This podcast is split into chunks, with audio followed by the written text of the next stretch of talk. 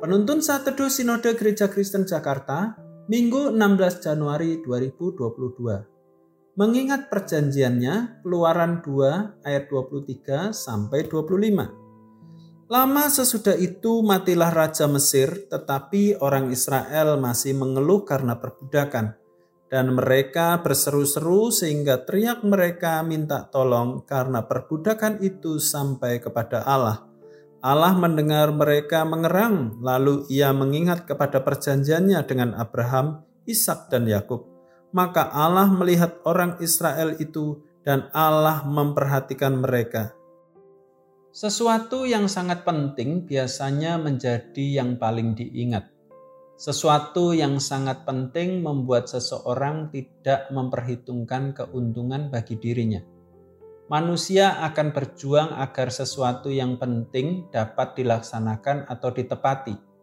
Misalnya, jika Anda menganggap janji kumpul keluarga pada ulang tahun orang tua itu sangat penting, maka Anda akan memprioritaskan dan menjadikannya sesuatu yang paling diingat.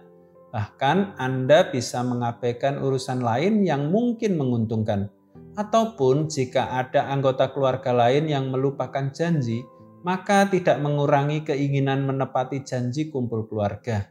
Sebaliknya, jika janji kumpul keluarga Anda lupakan dan tidak diprioritaskan, maka hal itu bukan sesuatu yang sangat penting bagi Anda. Pada nas renungan hari ini, kita dapat melihat kesetiaan Allah pada perjanjiannya. Allah tidak melupakan perjanjian yang sudah diikat dengan Abraham, Ishak, dan Yakub. Kesetiaan Allah juga konsisten, Bangsa Israel saat itu mengalami penderitaan luar biasa. Mereka mengalami perbudakan lebih dari 400 tahun di Mesir. Janji Allah adalah menjadi Allah bagi keturunan Abraham dan mereka menjadi umatnya. Perjanjian itu tidak pernah berubah dan bergeser.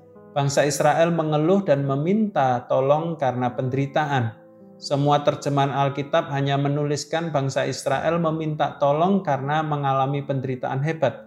Namun, permintaan itu tidak ditujukan kepada Allah. Justru Allah berinisiatif mendengar seruan mereka, sebab perjanjian dengan umatnya itu sangat penting baginya. Karena kasih dan kesetiaannya tidak pernah berubah. Allah selalu mengingat perjanjiannya sekalipun bangsa Israel tidak berseru kepadanya.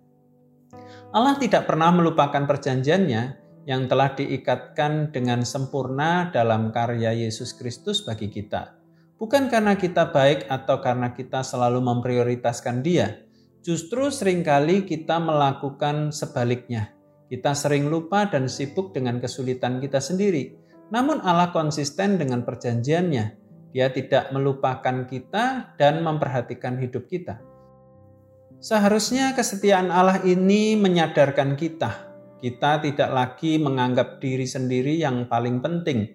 Sebaliknya, kita perlu menyadari betapa lemahnya kita dan betapa baiknya Dia. Kita perlu memandangnya dan tinggal di dalamnya, sebab Dia baik dan setia. Itu karena Allah memang sejatinya setia dan mulia pada karakternya. Karena itu, kita harus mengakui kesetiaannya dan semakin mengasihinya. Seseorang yang menerima anugerah perjanjian Allah akan selalu sadar diri tentang betapa baiknya Tuhan dan betapa buruknya dirinya. Tuhan Yesus memberkati.